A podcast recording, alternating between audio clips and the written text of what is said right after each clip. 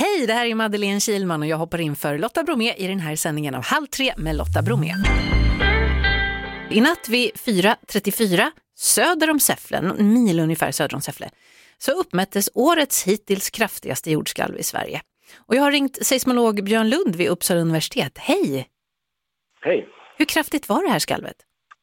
Det var ett skalv med magnitud 3,0 och det är ju en storlek som är lite ovanlig för svenska mått mätt i alla fall. Vi brukar ha ett sånt här skalv, ungefär ett varje år, kanske lite mindre i genomsnitt. Om man då befinner sig där det här skalvet är, hur, hur mycket skakar det så att säga?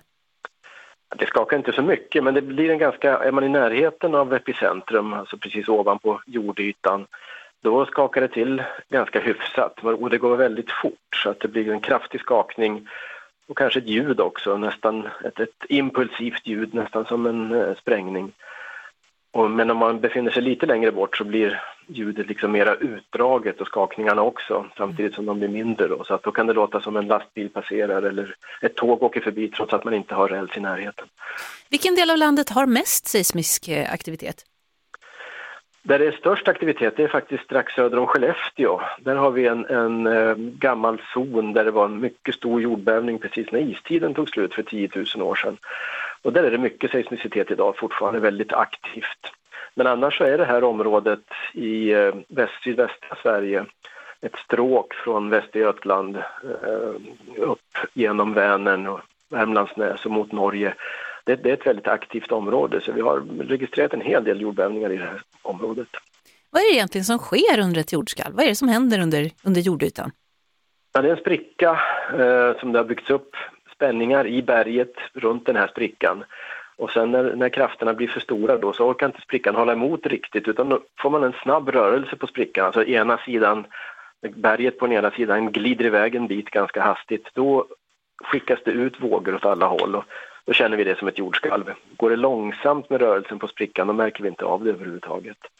Men finns det någon risk för ett sånt där alltså jätteskalv i Sverige? Jag tänker San Francisco eller eh, Japan.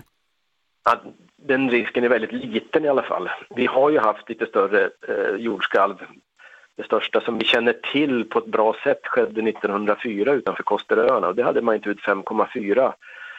Så att ett sånt skulle vi kunna få nästan var som helst i landet. Um, och det skulle inte vara så roligt, det skulle nog skaka om och förstöra en del eh, byggnader.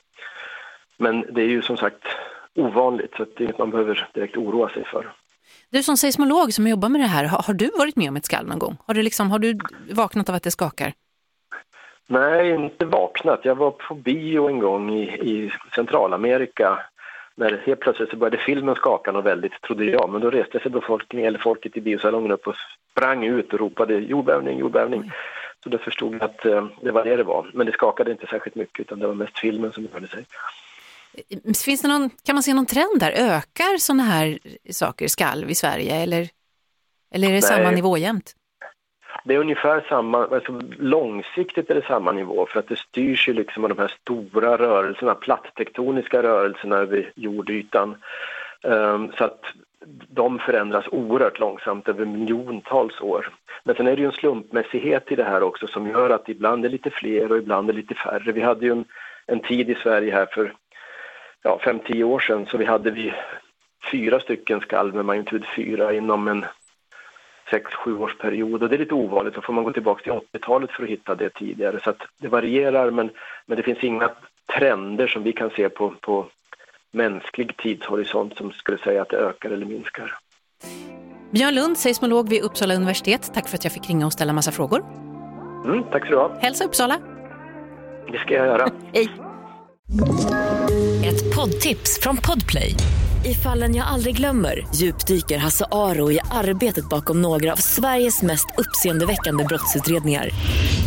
Går vi in med hemlig telefonavlyssning och, och då upplever vi att vi får en total förändring av hans beteende. Vad är det som händer nu? Vem är det som läcker?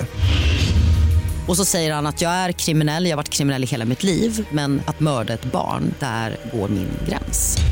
Nya säsongen av Fallen jag aldrig glömmer på Podplay.